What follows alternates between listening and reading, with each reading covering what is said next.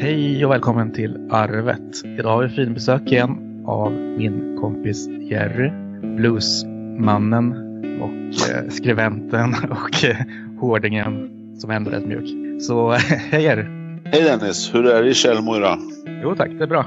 Det känns som att det är en tidig morgon, fast det är det inte. Klockan halv elva. Injicera kaffe och eh, lyssna lite på Turbo Negro faktiskt. Ja, vad härligt. Eh, nej, det har jag inte hunnit. Jag har druckit kaffe och lyssnat på uh, vad heter Nergal från Behemoth. Uh, han, uh, så att, ja, men, men det, det, det är bra. Men du, hur är det?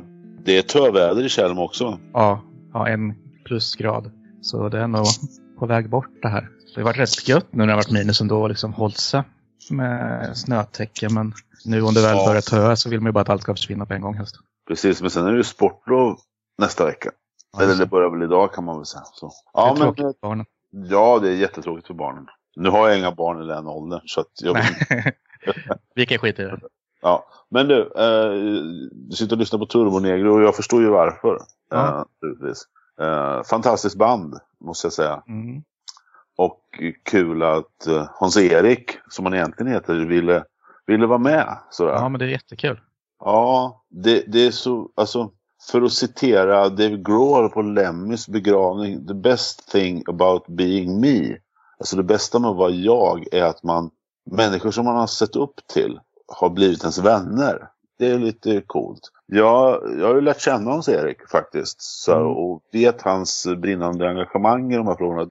Alltså jag, jag tänkte på en grej så här innan det här. Att man kan, man kan ju ha liksom allting. Eh, Man kan ju ha berömmelse och ära och så. Men det känns väldigt tomt inuti. Ja, absolut. Det tror jag också. Det är nog många som känner så som liksom har blivit större. Ja. Det finns en bok som är helt fantastisk. Det finns ju, det finns ju två böcker tror jag.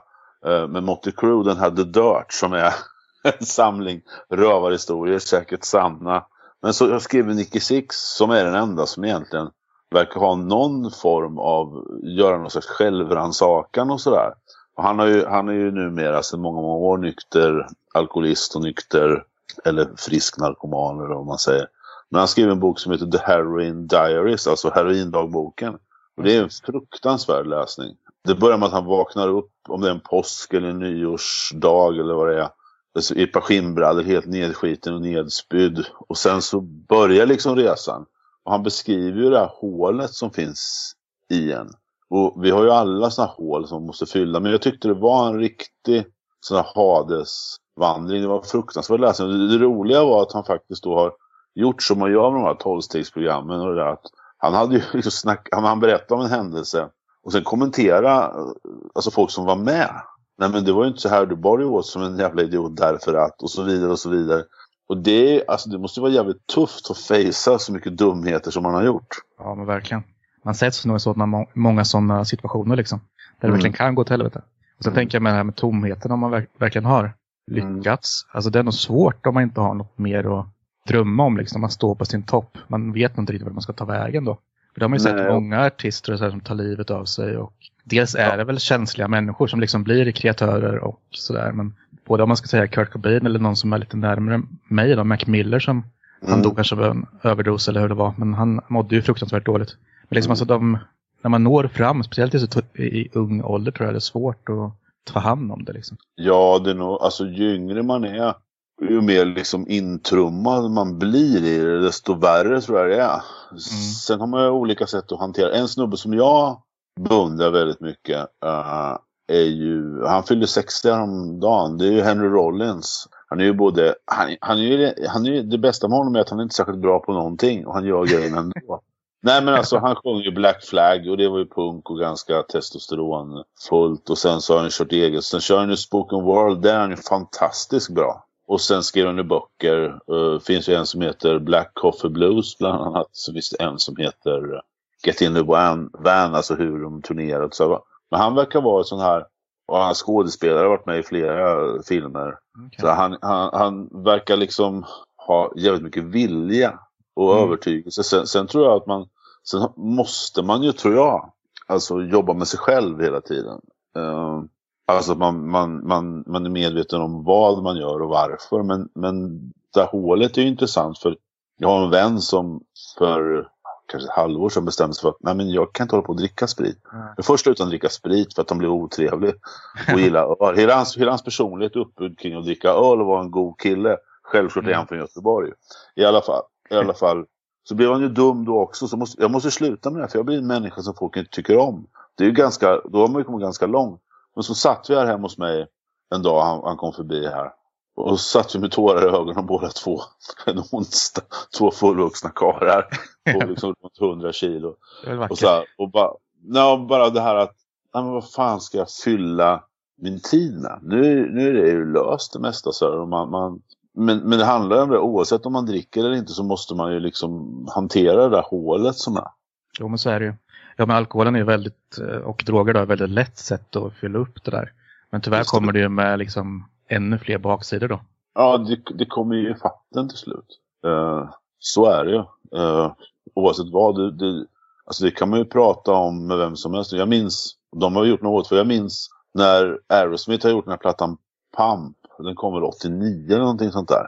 Skulle vi intervjua dem och då hade de ju precis kommit ut för rehab för andra gången tror jag. Och fått något jävla skivkontrakt. Det var värt hur många miljoner som helst i dollar.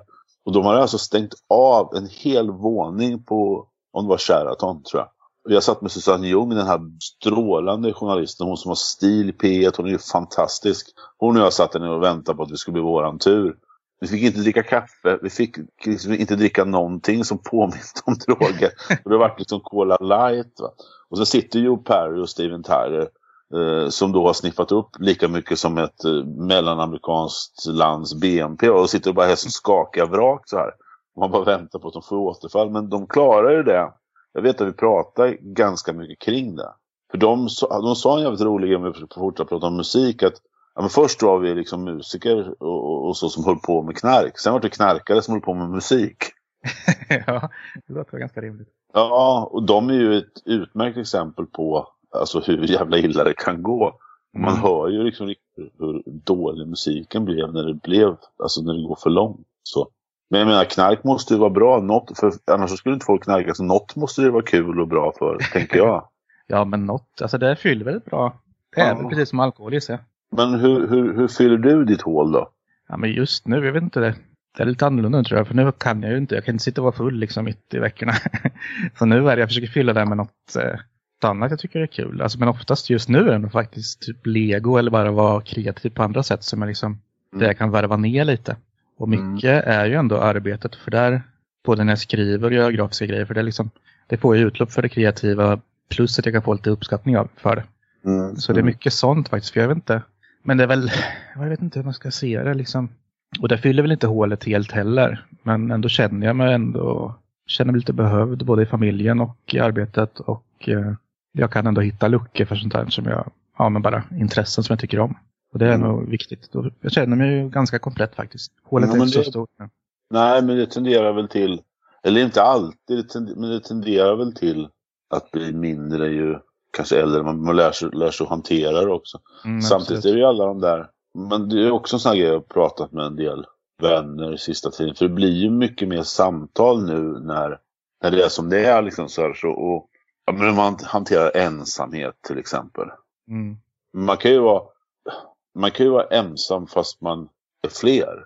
Det är Ja, ju precis. Då är jag hellre ensam, ensam eller, eller så. Ja. Eh, och det är ju så, och det är, jag, jag vet inte, och det har jag inte kollat, det har jag knappt ens tänkt på, men om självmorden och så har ökat. Jag vet att polisen har mer att göra, det vill säga forma, alltså 80 procent, jag vet inte om vi sa det förra gången, 80 procent av alla samtal till, till liksom regionkontoret hos polisen man ringer, så när det är något, eh, handlar om psykisk ohälsa. Ja. Jo, men jag förstår ju ändå att det har eh, gått upp i alla fall. För det är mycket, många liksom som inte alls är vana med att vara så här ensamma.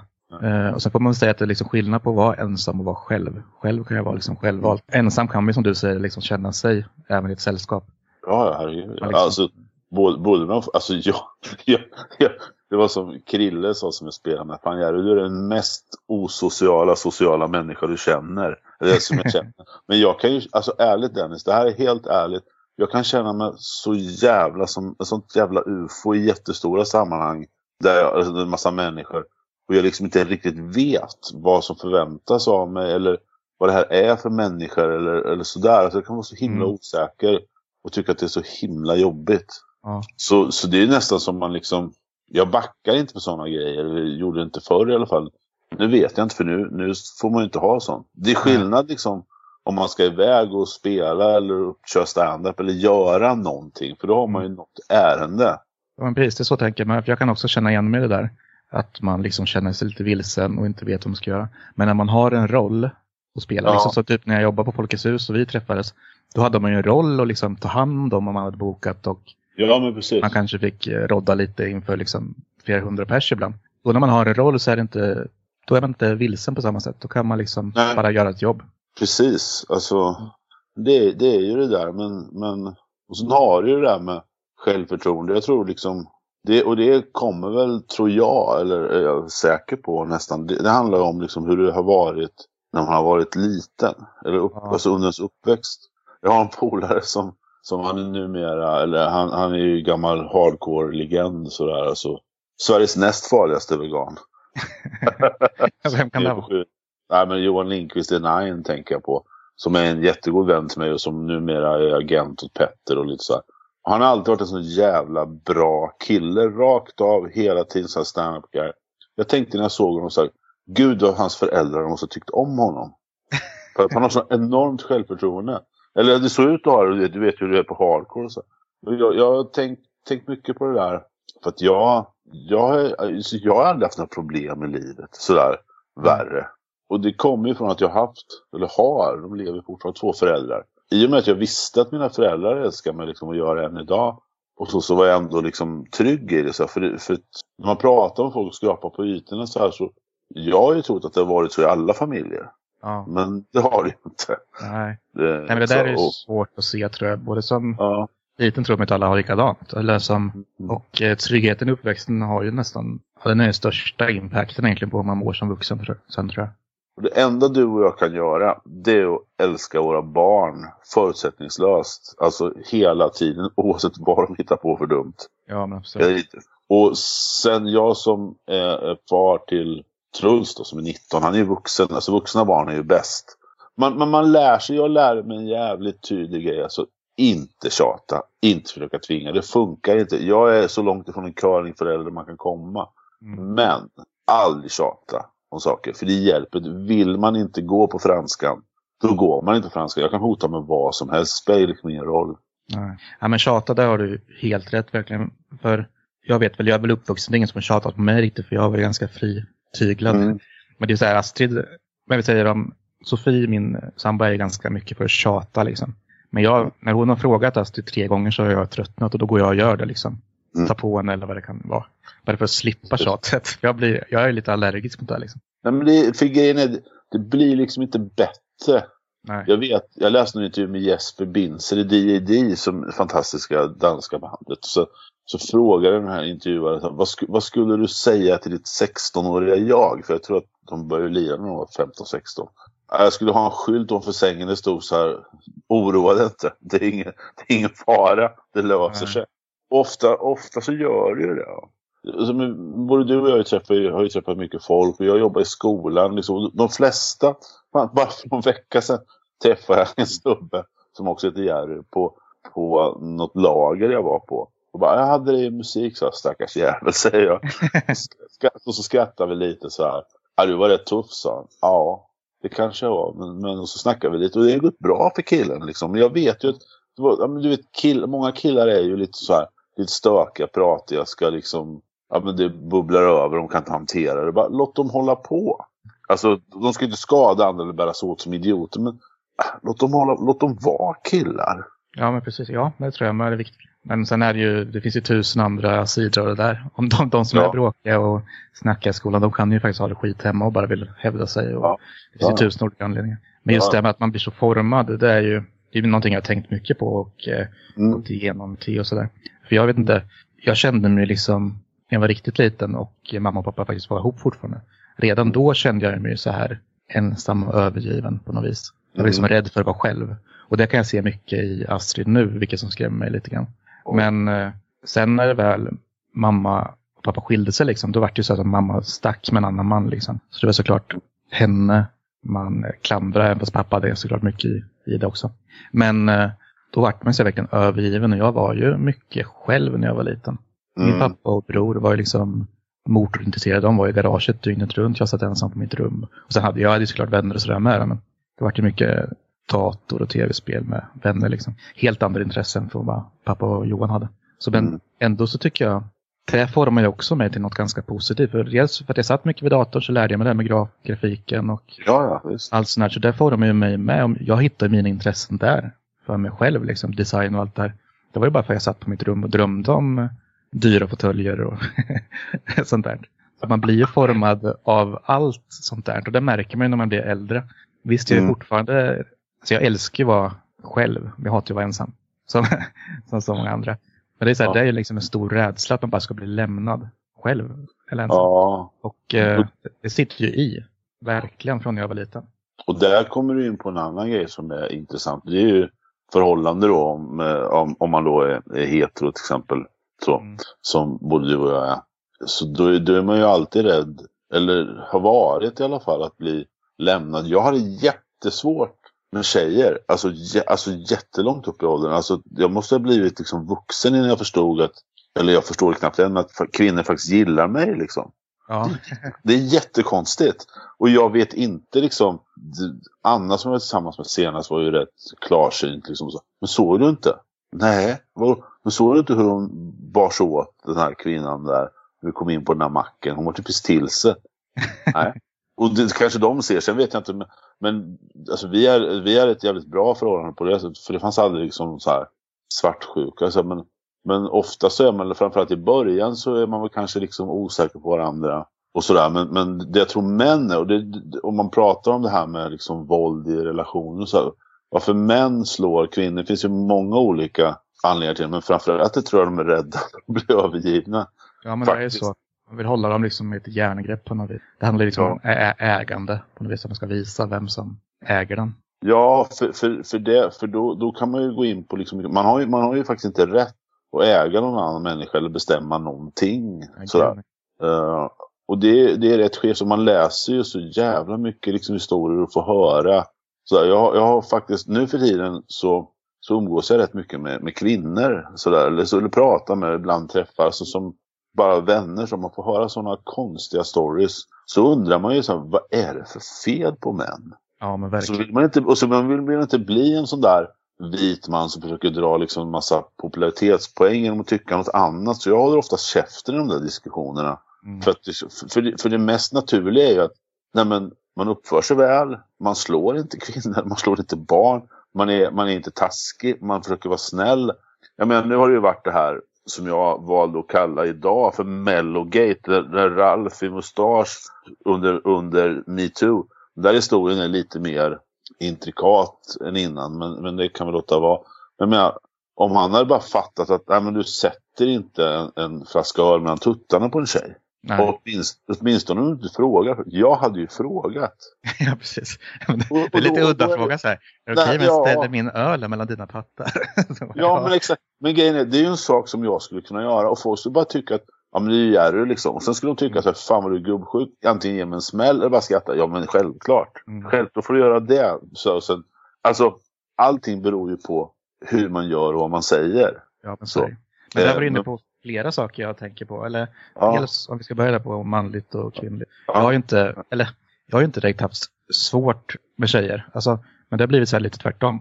Jag har ju alltid varit ganska, alltså jag är ganska kvinnlig av mig, både intressen och hur jag är kanske på vissa saker. Många har ju trott att jag är gay när man träffas. Och jag har alltid Nej, det, är, mycket det, är tjejer. aldrig, det är aldrig, aldrig så. För jag har en jättebra känsla på det här, den här gay-radar. Ja, men det är bra. Nej men, eh, så jag har alltid haft mycket kvinnliga vänner också ända sedan jag var liten. Eller liten, men tonåren och uppåt där. Och jag har ju varit den som har fått dra med mig liksom tjejer till fester och så här till mina kompisar. Mm. Så jag tar med lite brudar också. Bara, ja, men jag fixar det. typ. Men det har jag gjort både och. att Dels har vi inte haft så svårt för tjejer, men också så här att jag ofta missar signaler, precis som du säger. Jag har ju inte en aning. Jag kan ha varit vän med någon i två år och sen kanske vi inte ses på fem år, sen åter, så kommer upp kontakten igen och säger man Gud, jag var så kär i dig. Ja, men, jaha. och då har man inte en aning. Jag missar Nej. alla de signalerna. Och det tror jag grundar sig mycket i att man inte tror på det själv. Själv självkänslan är ju för liten liksom. Så man tror inte att någon kan tycka om en. Så då, liksom, då går det förbi en bara. Mm. Mycket där tror jag. Och likadant där att jag har aldrig känt mig direkt som en eh, traditionell man heller.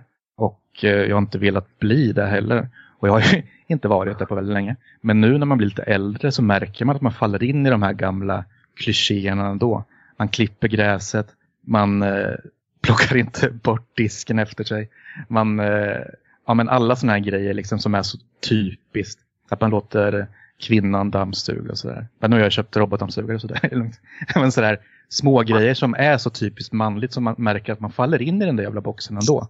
Undrar om det sitter i generna. För att, alltså jag, det var som en gammal kompis sa, vi har inte sett på ett tag. Han, var en av de här musikerna uppe i gamla Linköping, Jacek, jag har känt honom sedan 70 Och så har han inte sett mig med det här skägget. Bara, Oj vad du ser, vad var det han sa? Uh, kraftfull ut eller någonting sånt där. Jag, alltså jag vet ju att jag ser ju, och så fulltatuerad, alltså, jag, alltså jag, jag, ser ju väldigt manlig ut. Men, och, och är det i mångt och mycket. Men jag, jag är inte grabbig, jag hatar grabbighet. Alltså det är bara så här, du vet så här, kolla fotboll och dricka öl. Nej, det finns, du, du, jag skär mig hellre i handlederna. Två, jag är ju egentligen en kulturtant. Ja, jag ja men det är så väl jag känner mig också egentligen. Ja, men jag älskar poesi och böcker och gå på museer och prata om saker. Jag är då som min kompis Mats Karlsson på Passagen, inte den fantastiskt trevlig man. Eh, han, vi satt och pratade och sa han, jag sa, men jag gråter för allt så Jag gör också känslomässigt inkontinent. För det är jag verkligen. Men jag, gråter inte av, jag gråter ju inte av, jag ser en katt till exempel. Jag, jag kan ju se ett klipp med ACDC med Bon Scott. det är helt sjukt. Uh, men men jag, jag, tror också att, men sen samtidigt, jag har tänkt mycket på mina, mina, min farfar och min morfar som var, alltså farfar var ju född 98, 1898, han dog ju någon gång 77 eller någonting sånt där tror jag. Han låg inkallad under båda krigen. Han var, han var bilförsäljare, han kallade folk vid efternamn. Så här, Larsson och, och sådär. Kan du köra undan vagn? Och han var alltid fint klädd. Han hade till och med damasker på skorna. Morfar då var ju då, han bodde uppe i Stora Forsa och hade hönseri. Han var företagare, låtskrivare och politiker. Och det här var ju män som folk litade på och som de såg upp till. Ja. Och li, lite kanske med farsan. Sånt, sånt vill jag också bli, att man litar på att, att det jag säger gäller som Hälleberget och att ja men fan vi kan snacka med, med han för att vi behöver ett råd. Sådär. Och att de vet att det är liksom det här, det här som känns som förr. Jag, jag kan känna det med en del människor jag, jag, känner. Oavsett liksom, både män och kvinnor, framförallt män. Att, ja, men det är ett handslag och that's it liksom. Det är inget jävla schackrande. Mm. Och att du står för dina dumheter. Alltså, gör jag fel, sätter jag en ölflaska mellan tuttarna på en tjej så ber jag om ursäkt. Om jag inte har frågat först. Nej men, nej, men, nej, men exempel på att, nej men alltså, det är inte svårare än så. Nej. Ja, men något av det där också med, om, som jag tänkt på med kändisar och ja, med det MeToo och hur illa de har betett sig. Nu har det ju kommit upp liksom hur dålig Marilyn Manson är. Ja. Och liksom så här, men varför är ni överraskade för? Det har varit hans liksom, bild hela tiden att han pissar och bajsar på folk, slår tjejer och liksom... Ja, men, och det, det, är ju så jävla fel i sig. Alltså, men det är ju därför han var hyllad liksom, för tio år sedan. Ja, och nu ja. när folk går ut och säger det så är det liksom så jävla hemskt. Och det är det ju, absolut, ja, om man slår. Och, verkligen. Men ändå, det är liksom hela bilden av honom. Samtidigt som han har varit väldigt vältalig. Jag kommer ihåg den här ja. för Columbine och han med, liksom, där han säger men du, Mike, någon frågar vad hade du sagt till dem? Nej, jag hade inte, jag hade inte sagt något till dem. Jag, frågat, jag har lyssnat på dem. Mm. Eh, så bilden är lite dualistisk. Jag, men, men jag fastnade för vad Trent Reznor i Nine Inch Nails sa. Att, nej, men jag sa upp bekantskap med honom för 25 år sedan för att han är helt jävla dum i huvudet. alltså när Trent Reznor säger det så... nej men alltså, nej men... Ja, och, och, det, och, det, och det är liksom, då, men då blir det ju så här katten på repet och råttan och det. Det var samma, det finns en dokumentär på SVT Play som handlar om Benny Fredriksson som var chef på Kulturhuset i, i Stockholm. Som tog livet av sig i, i, efter massa publikationer. Och vissa saker stämde, men vissa stäm, stämde väl inte. Men det gjorde bara ont att se grejen. Just det. Var det där, metoo där han... Ja, det var det. Och det ja. var ju där Åsa Linderborg skrev den här Men hon har ju bett om ursäkt. Ja, men det är klart man gör det efter att är borta liksom. ja, allt annat var ju liksom... För hon skrev den här boken året med 13 månader jag hörde bara henne på radion och var jävligt tagen av det hon skrev. Mm. Uh, och samtidigt som det här rasade så var jag tvungen att lämna. Jag skrev faktiskt ett mail till henne och tackade. Uh, och fick tillbaka ett jättetrevligt svar. Så, För jag tycker det är också en sån här grej, man, och så skrev till en kompis igår. Eller vi, alltså vi känner varandra ytligt sådär. Uh, raggare och, och dragracing-kille och sådär. Va? Tja, hej, läget, vad gör du? Så här, hur har du till de här? Vi har inte hört av varandra på ett år.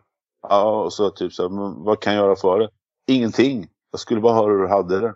Fan vad fint jag är. Det, det, alltså det, det, folk borde bry sig om varandra med. Ja, men ärligt, Micke, som han heter. Jag bryr mig faktiskt om folk jag känner. Ja, men det, det, det är sådär också. Det har blivit sådana tider. Man liksom förväntar sig att folk ska vilja någonting eller ska ha någonting av en. Ja.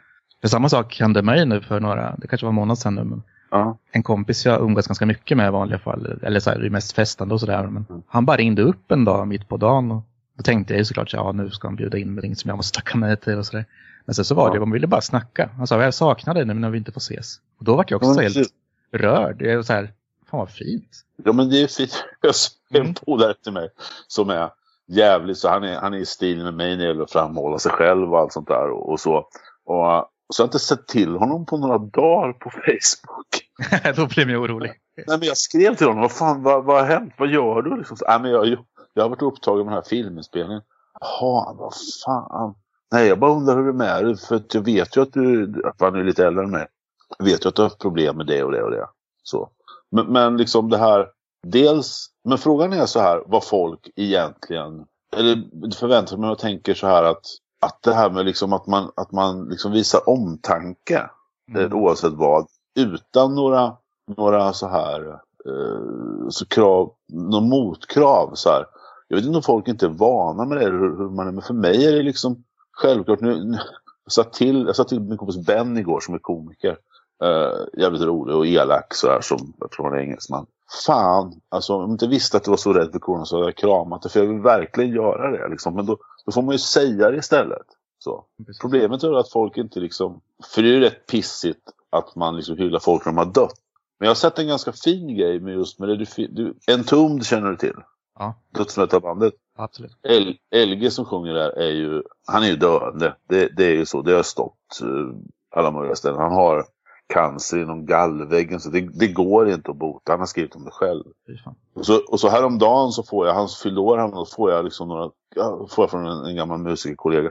Ja, vi håller på att samla ihop här till en, till en live, eller till en video, så hyllning. Så kan du säga några ord? Ja. Och sen har det varit 50 pers utanför sjuksalen eller lägenheten eller vad det var. Och sjungit liksom. Och det trycks upp tröjor så här. Och jag har sett att de, de har ju haft en sån här kampanj så här att vad fan ja, men stötta LG i kampen mot cancer och så där. Och folk har köpt massa tröjor och så, där. så och, och, det är jävligt fint. att få, han, han har man ju liksom kunnat... Nej men alltså, alla vet hur det slutar. Eller så slutar det för alla. Liksom. Det slutar lite mm. tidigare kanske. Men man har hunnit liksom hylla den här snubben. Så man måste ju känna sig liksom ändå... Okej, okay, eh, jag vet vad som kommer hända. Jag vet hur det kommer sluta. Men jag vet att folk har faktiskt gillat mig.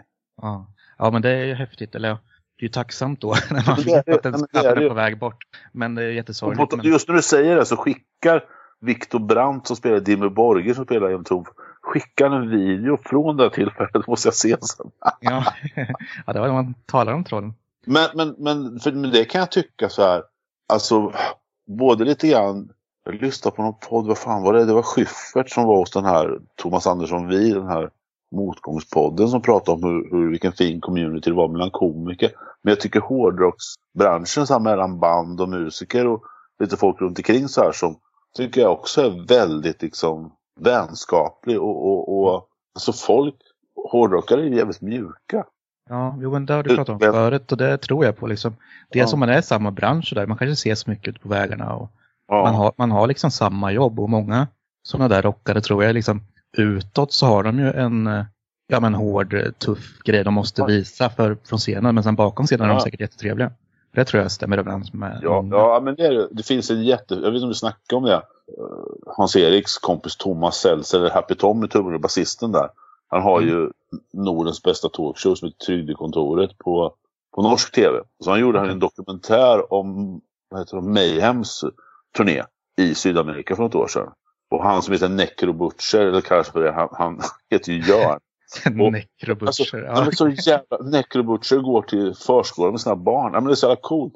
Och det är fint, alltså de är från den där Folle där Turbonegro kommer ifrån. Och, och, så är det någon, någon scen där när de har cyklat ut till Jörn, eller Necro Butchers stuga. och Thomas klagar på kaffet.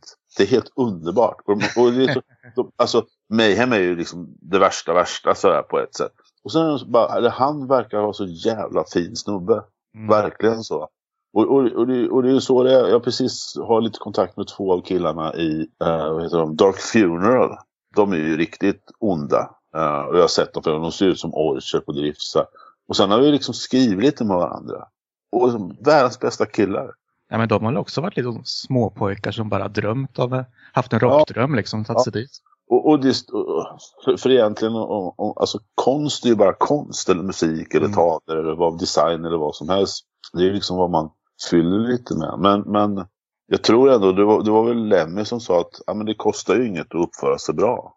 Det skapar i alla fall liksom en schysst stämning. Sen, sen för det är ju jobbigt om man, om man vet att man har gjort fel. Och så går man och drar på det där. Och, och, och så äter det ju en. Men det är väl därför många liksom gömmer sig bakom ett namn också. Att man liksom kan ha två, två personer i sig. Nu är jag liksom, eh, vad sa du, Necrobutcher. Ja, Och sen är jag Göran liksom för mina barn. Ja. Så det är klart, det är ju jätteskillnad. Ja, det, det måste det vara. Men det är, ju- det är ju liksom det är ju samma för, för, för mig om jag till exempel skriver om någonting så skriver, så skriver en jätteelak recension så, där, så går jag inte ut och är elak mot folk. Nej, Så. Nej men det är klart. Sen, sen har jag, jag har skrivit så jävla mycket elakt genom åren, alltså herregud. Och, och det är väl aldrig någonting som jag har backat någonting på. Så. Det, det skulle jag aldrig göra. Så här. För det, det är ju inte, alltså, om man pratar om kritik, musikkritik. Så för jag såg, såg en grej på tv igår som var så jäkla dumt att prata om kritik. Att, nej men vi, alltså, som kritiker är man ju någon slags så här VDN-fakta. Men det finns ju ingenting objektivt i kritik överhuvudtaget. Det är bara vad jag tycker Mm. tycker att den senaste Turbonylskivan är dålig så det är jag som tycker, hela världen kanske tycker att den är bra. För det är Mm. bara mig det är fel.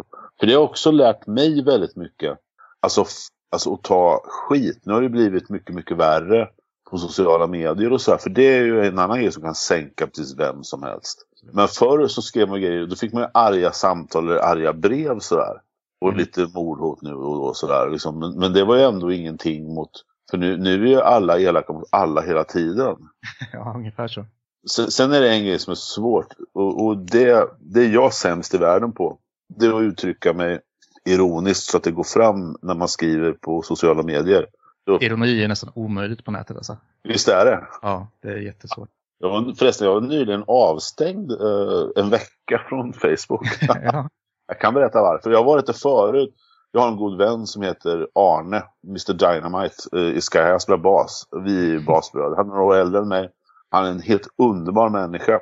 Och han bor i Skattungbyn. Och du som använder vet vilken filmhistorisk klassiker som är inspelad där. Fäbodjäntan. När han fyllde år, då skickade jag en skärmdump på video eller DVD-boxen med Fäbodjäntan. Och det kan vara så Dennis, jag har inte sett det själv, men det kan vara så att bröstvårta var med. ja. Och då blir man ju avstängd först en dag och sen tre dagar. Och sen så var det någon debatt här och den var egentligen liksom rätt hemskt. Så det handlade om mäns våld mot kvinnor och så här. Och då citerade jag hon, eh, hon var väl så här ROKS eh, ordförande, någon, någon kvinna från Motala där. Att män är djur, skrev jag i det här bara som kommentar. Och sen gör en dödskalle med smiley på. Blev avstängd en vecka för det var hatiskt. Då försöker man försöker förklara ironi för en algoritm. Ja, det är inte så lätt. Det går ju inte. Bara med bröstvårtor och Facebook så jag har ju också blivit fått varningar därifrån bara efter att har lagt upp liksom bilder på Astrid. Det är känsligt där. Så det gäller ju att passa sig. Ja, ja, precis. För nu hade jag en jätterolig grej som jag ville som jag inte vågar passa. Sen, sen så, sen, jag tycker ju, och det här är min sjuka hjärna, eller så, för jag, alltså, om man pratar om ironi och, och skämt och så här, så tycker jag ju att något av det roligaste som finns att skämta om, det är ju det hemskaste också, det är ju nazism. Som är vansinnigt kul. Så, så googlar jag offerkofta och hittar en bild på en stickad tröja med hakkors på. Ja. Och det är ju vansinnigt roligt. Jag, jag har skickat det till folk så här. Klä, det jag, Det roligt.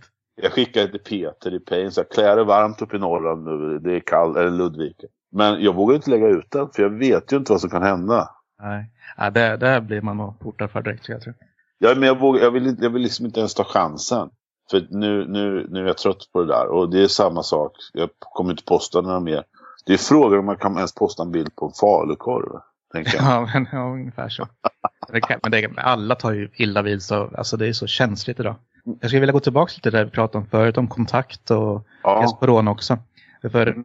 dels på ett sätt nu, om man skriver till folk, så är det jättebra under corona. Liksom. Man, man, måste ju göra det för att få kontakt och eh, mm. tala om vad man tycker. Så jag, tror kanske folk är mer öppna så. Det är faktiskt väldigt bra. Men samtidigt tycker jag att vi är i något slags klimat där alla tar illa vid sig hela tiden. Och det har ju liksom grott i en och man liksom blivit rädd. Man skriver inte till vem som helst längre som man gjorde för 15 år sedan. För om man skriver till en tjej, en kvinna, då är liksom utgår man från att man vill ligga. Eller liksom, det är alltid mm. raggförsök nästan. Och eh, det är nästan som man drar sig för att skriva till en manlig kompis med. För det är alltid så att man, då vill man någonting, behöver någonting. Mm. Så det blir så här, man är vi är ett lite konstigt klimat. Jag hoppas lite att corona och kontakten nu som är liksom digital, att det mjukar upp det lite. Att vi ja, faktiskt men, vågar skriva till varandra. Ja, men det hoppas jag också. Men jag, jag har ju fått liksom så många, jag har fått en ny kompis som en, en kvinna som jag skrev till via något forum. Så det visade sig vara världens skönaste brud. Mm. Uh, så vi blir ju vänner liksom sådär. Uh, det, det, finns ju liksom flera sådär, men, men det har du ju rätt i för att vet ni något annat forum så här så, ja ah, men fan vadå, kan vi inte ses ta en kopp kaffe och prata musik? Nej men jag vill inte gå på dejt med dig. Nej nu handlar det om en kopp kaffe. Ja, inte om en dejt. Jag, är du säker på att jag vill gå på en dejt med dig? Ja, alltså, du ja, vet, det, ju, det där stör mig ja. som fan faktiskt. Ja, men jag har inte tänkt på det, men du säger Men en annan grej som jag tror är, jävligt olyckligt och värre. Det är ju alla de här Instagram-tjejerna. Ja. Och så, som sänker andra kvinnor. Män vet jag inte, för de ska väl, de, de ska väl flasha med något annat sådär. Men det, det, jag har inte så mycket sånt i mitt flöde. Men man ser ju mycket kvinnor sådär och de plutar med läpparna och sådär. Och, och så. Ja, men det där är också någonting. Alltså, män tror jag, de ser nog ändå upp till andra män som lyckas, har det bra, är tuffa och vältränade och liksom lyckas i livet. Tjejer mot tjejer, det blir liksom att det blir en tävling istället. Jag tror mm. de att det blir sån, det är nog väldigt olika hur vi ser på liksom någon mm. annan med samma kön. För tjejer liksom, de, ja, de, då strävar de efter att bli snyggare och se ut som den andra personen liksom, eller ja, så som alla de här influencers. Och då måste man se att allt det där är ju bara ett jävla luftslott. Ja, men, ja, men de lever ju inte sådär. Det är ju bara att plåtsas. Nej, nej. Uh, nej, för att ja, men någon som jag ser upp till och gillar och faktiskt träffat och är bekant med och lite vän med, det är ju han Per Holknekt du vet. Ja, just det. Och han är ju skitrolig både på Instagram och Facebook och allting sånt där. Och han skriver ju jävligt personligt och avslöjar om sig själv. Mm. Sådär. Och, och, och liksom lite, jag tycker att det är peppande. Jag vet att en del andra människor retar på det. Jag fick, jag fick något mejl att jag borde, jag borde liksom skaffa mig en bättre värld och inte lyssna så mycket på Per Holknekt, Aron Flam och Peter Lundén. Så här. Och det är tre vänner som, som verkligen är starka personligheter och som inte tar skit men däremot som, som kan inspirera andra människor. Men framförallt Holknekt som, jag vet de sökte, de sökte någon chef eller någon anställd av hans företag och sa ja, du ska inte ha gått på universitet och du får gärna ha varit missbrukare. för att han fattar ju liksom. Och, det, och det tycker, jag tycker det är bra för att jag uppfattar honom som genuint ärlig hela tiden. Men är det Per som har uh, Odd Molly och gammal ja, och sådär? Ja, ja, just det. Ja, ja. Jo, men han verkar ju verkligen ja, äkta. Man måste man ändå tänka på, nu, han har ju varit utblottad några gånger och så jag vet inget om hans ekonomiska status eller så men jag menar, har man de här som har såna fuck off-pengar så kan man ju kosta på sig att vara lite högljudd om man nu vill eller så. Mm. Annars är ju folk, folk är ju så rädda vad andra ska tycka sådär och, och, och vad folk ska tycka på, på jobbet eller, eller vad ens chef ska tycka. Mm. Ja men så är det ju väldigt mycket. Och just det här med influencers så, det har blivit, det är så sjukt ändå tycker jag. Alltså det är väl, de har det säkert asgött men att det har blivit ett jobb att göra reklam för saker och jag går ju på en del eh, pressvisningar och sånt där nu eftersom mm. jag jobbar med teknik. Och då har de liksom bjudit in tio influencers som de ger mobiltelefoner. Och de är bara där för att vara liksom snygga och lätta upp stämningen. Och nu har det ju varit så här ganska, jag var i Stockholm på ett Xiaomi, en Xiaomi-visning med en ny telefon. Vi kanske var, vi var en 5-10 skribenter och typ 20 influencers. Liksom där. Så de blir bara uppfyllnad som ska liksom vara någonting. Att det blir ett jobb. Det ju, visar ju hela hur sjukt samhället är idag. Det räcker att vara snygg liksom och kunna visa upp lite produkter så, så är man någonting. Ja, om då kommer Bianca Ingrosso där med en ny ja. mobiltelefon typ så här. Mm. Alltså, alltså folk får gärna göra vad de vill och synas sådär. Jag, jag, man behöver ju faktiskt inte titta men man kan ju tycka, man kan ju förstå att folk får liksom mindervärdeskomplex och att de mår dåligt. Och, och om, man, om man inte riktigt kan hålla isär saker så sen, sen blir ju och sociala medier och, och, allt sånt här är ju viktigt naturligtvis. Men fortfarande så är det väl så här, vad, vad har man grejerna? Men folk vill ju träffas på ett annat sätt. Vad har man, vad har man liksom Tinder till? Nu har jag inte det liksom så här, men det är, det är liksom det som jag brukar säga, men Tinder det är väl, jag brukar säga till mina tjejkompisar, det är väl en knullapp eller hur? Nej, inte alls här. Nej, okej. Okay. Då är det inte det. Och det, det, tror jag kanske inte heller.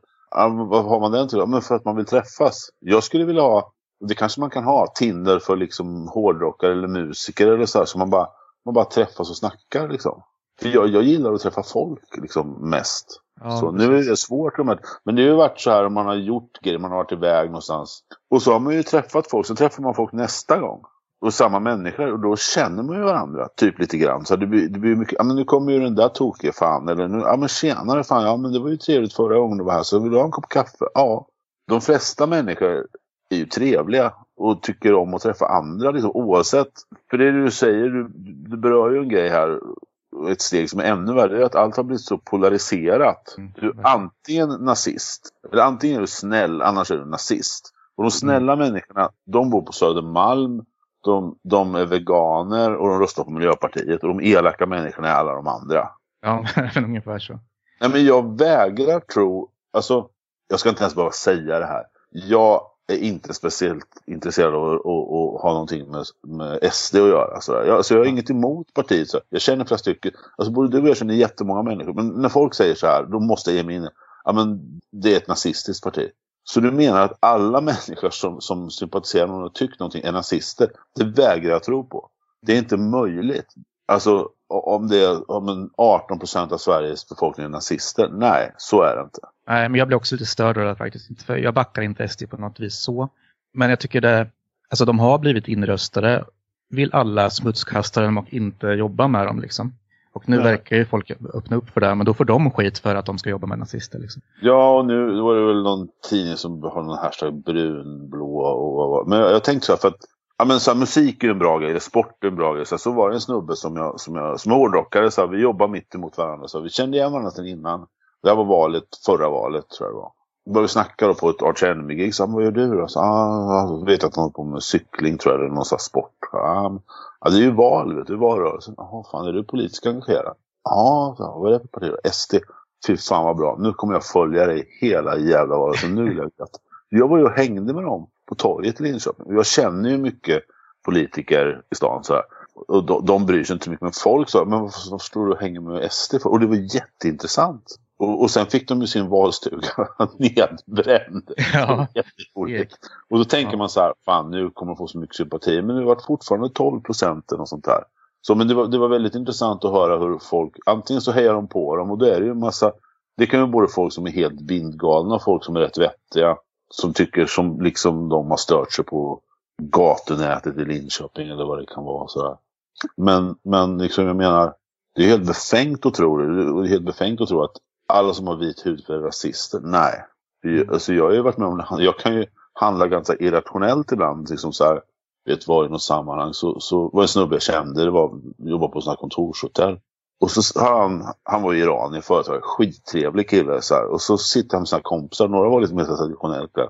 Och då sitter och så pratar de med sitt språk. Och jag kommer och sätter mig, tjena, fika ni? Ja men jag vill också fika, det gör vi i Sverige klockan tre. Kanon så här. Hans kompisar bara, titt, de bara tittar på mig liksom så här. Och han sa, men det här är Jerry, han jobbar här, det är lugnt liksom. Och då var det lugnt. Ja, de är ju rädda för oss också. Eller ja. de, ja, ja, men, men så, för vi, vi, går, precis, vi går omkring och räddar för varandra. Det finns någon fantastisk film som såg på Youtube för flera år sedan. En snubbe, han står där, en muslim, och så står han liksom och så kramar folk. Och folk är livrädda. Vad fan är vi rädda för? Ja, men det har jag sett. Ja. Men det är så typiskt, för jag jobbar med en kille som var från Syrien förut. Och mm. Eh, väldigt kristen liksom. De är väldigt uppdelade, är muslimer eller kristna. Herregud. Och det är muslimerna liksom som har tvingat ut dem från sitt land. Mm. Och han är ju den mest rasistiska personen jag har träffat tror jag. Han oh. hatar ju verkligen muslimer. Och han, och han röstar på SD just ja, ja. för att få ut invandrarna från Sverige. För han vill inte att fler ska vara för han har ju bott här så länge så han är liksom svensk medborgare nu. Ja. Och han vill absolut inte ha några muslimer och han ser ju det han har sett i sitt hemland där muslimer liksom driver ut dem och ja, döda slakta. kristna. Ja, ja, precis. Slakta kristna. Det är klart som fan inte han vill ha muslimer i Sverige då. Men det är klart. Det är helt och, galet. Nej men det där har jag hört från må många håll och det måste man också ta på allvar men det har vi inte fattat riktigt liksom. Nej. Och det har vi varit på sådana här boenden där det har liksom, ja ah, men nu ska vi äta ihop. Men det visar sig att de äter ju inte ihop med varandra. De vill ju bara döda varandra. Och vi har ju på något godhjärtat så här, svenskt sätt tyckt att nu är vi alla kompisar, då bor vi här. fuck you liksom. Ja, gör vi inte alls. Så kommer det aldrig bli. De, nej, det finns nej, historia och, där liksom. Nej men precis. Och jag menar jag har ju, jag har inte jätte, jo men jag har en hel del, känner en hel del muslimer. De flesta, eller 90% är ju sekulära. De är som, som vilken sekulär svensk som helst. Och jag har en polare, en komikkompis, han är ju, han är ju bosnisk muslim. Och vi, vi har snackat, vi har snackat jättemycket, nu, nu är det ett tag sedan vi pratade, vi snackar jättemycket om det här med, han har gått koranskola bland annat så här. Jag sa jag vill ju hänga med på fredagsbön.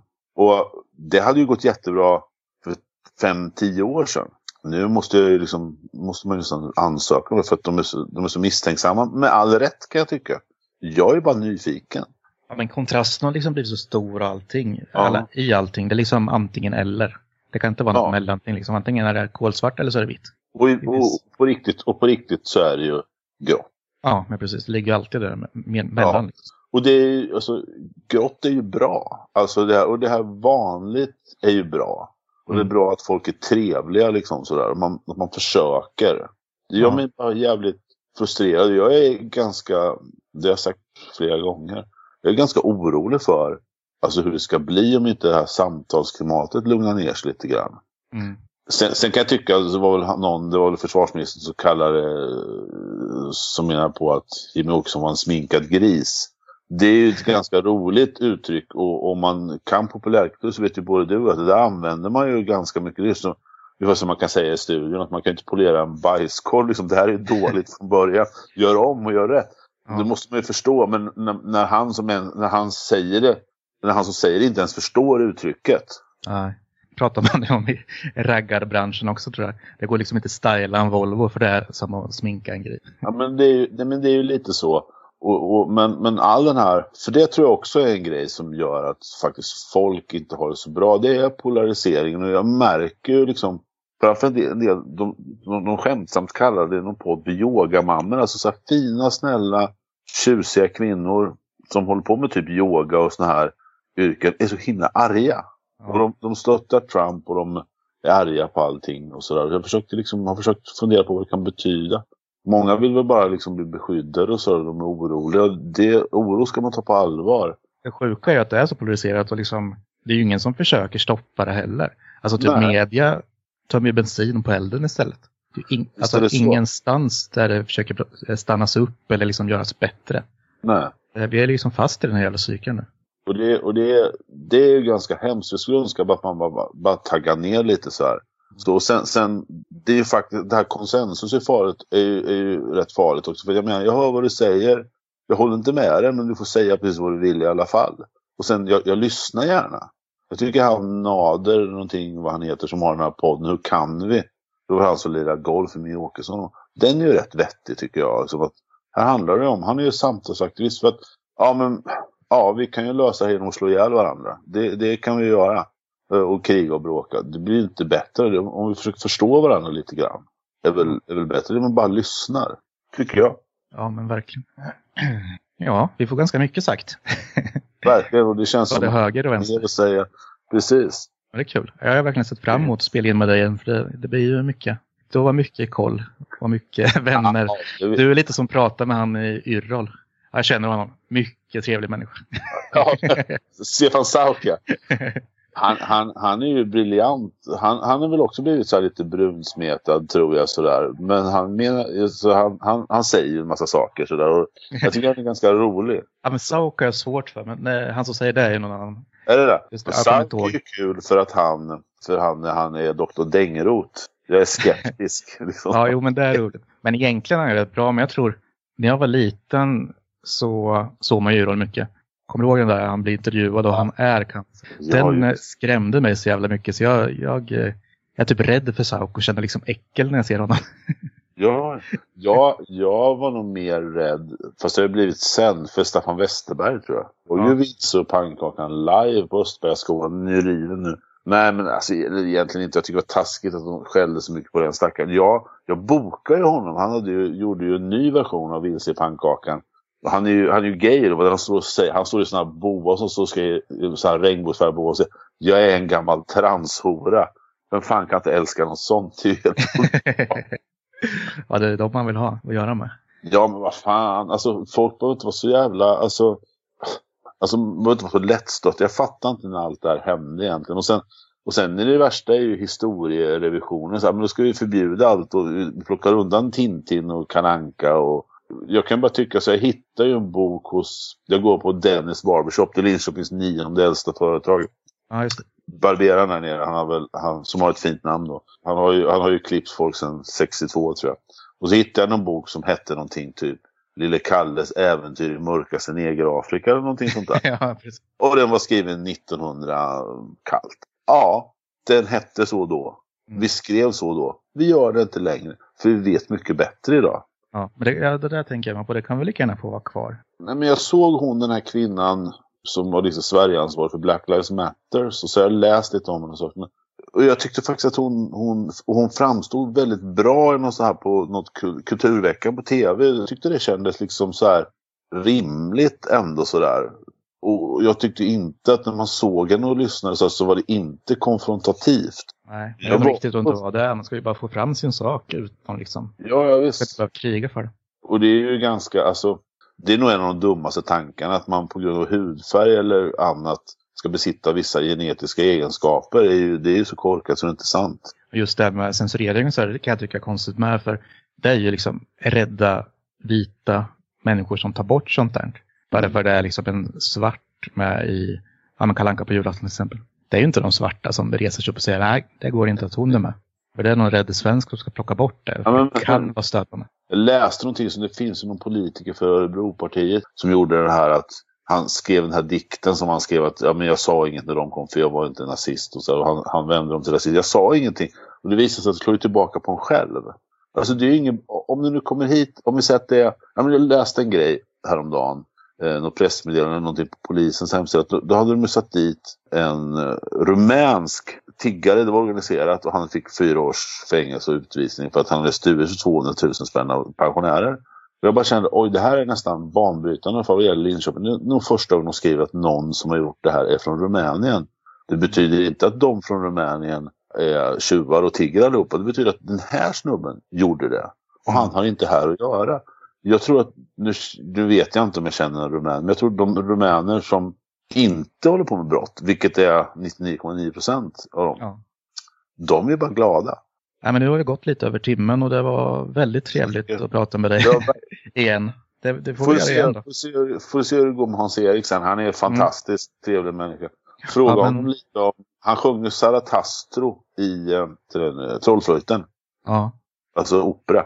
Jag var där och tittade. Jag och Mm. Niklas från In Flames eh, var där.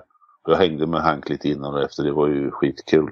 Eh, Ja, men det, han, är, han det är häftigt hur han har gjort så mycket. Jag såg det att han har varit med i som Jesus Christ Superstar på Ja. norsk eh, scen sådär. Och det är ju häftigt hur han kunnat vända det. För det är inte den bilden man har haft av honom. Liksom, Och sen har han spelat Ol- Olse Brams, Olle Ja, Brams. Ja, det sa jag. med Anders och Måns-Anders liksom. Ja, Det, det vill jag jättegärna. Anders gick ju i skolan här i Linköping och vi stött på varandra. Men det, jag, det måste jag få, få veta mer om. ja, men verkligen. Men det, men det är så härligt med en sån artist. Men, men när, man, när man verkligen inte låser in sig faktiskt. Att man testar olika grejer. Jag tycker Ola Salo är en sån också. Ja, ja men verkligen. Ja, men det har jag ju dig tacka för att jag ska fram få prata. Ja, men med. jag vet ju hur mycket han brinner för det här. Och, och vi var med i den där Out of Darkness-videon. Det var vi och sen de här, han Bam från Jackass och sånt där. Vet. Så Mm. han, han har ju lite polare. Det är helt sjukt. Ja. ja, men jag såg den där videon. Den är väldigt eh, Det, intressant. kän, det, kän, det känns som en väldigt viktig grej vad Mm. man pratar om. Och jag vet de som, de, i det här Mellogate så har de hoppat på Ralf. Men Mm. de har ju engagerat sig för manlig ohälsa, psykisk ohälsa också. Och spelat någon låt som skänkt pengar och så. här. Allt är ju aldrig svart eller vitt. Det Nej, är men lite exakt. grått. så det- Alltid mittemellan. Ja, men det ska Bra. bli riktigt kul att få prata med honom och Ja. eh, se vart det här leder. Det är så jäkla bra att det är många som brinner för det här ändå. Och Mm, eh, det- vi försöker göra vårt, snacka lite om det. Ja. Idag kanske inte varit så mycket psykisk ohälsa, det var allt Ja, annat. Men vi hörs. ja, men det gör vi. Tack så dig. Mm, ha det så jättebra. hej, hej, hej, hej.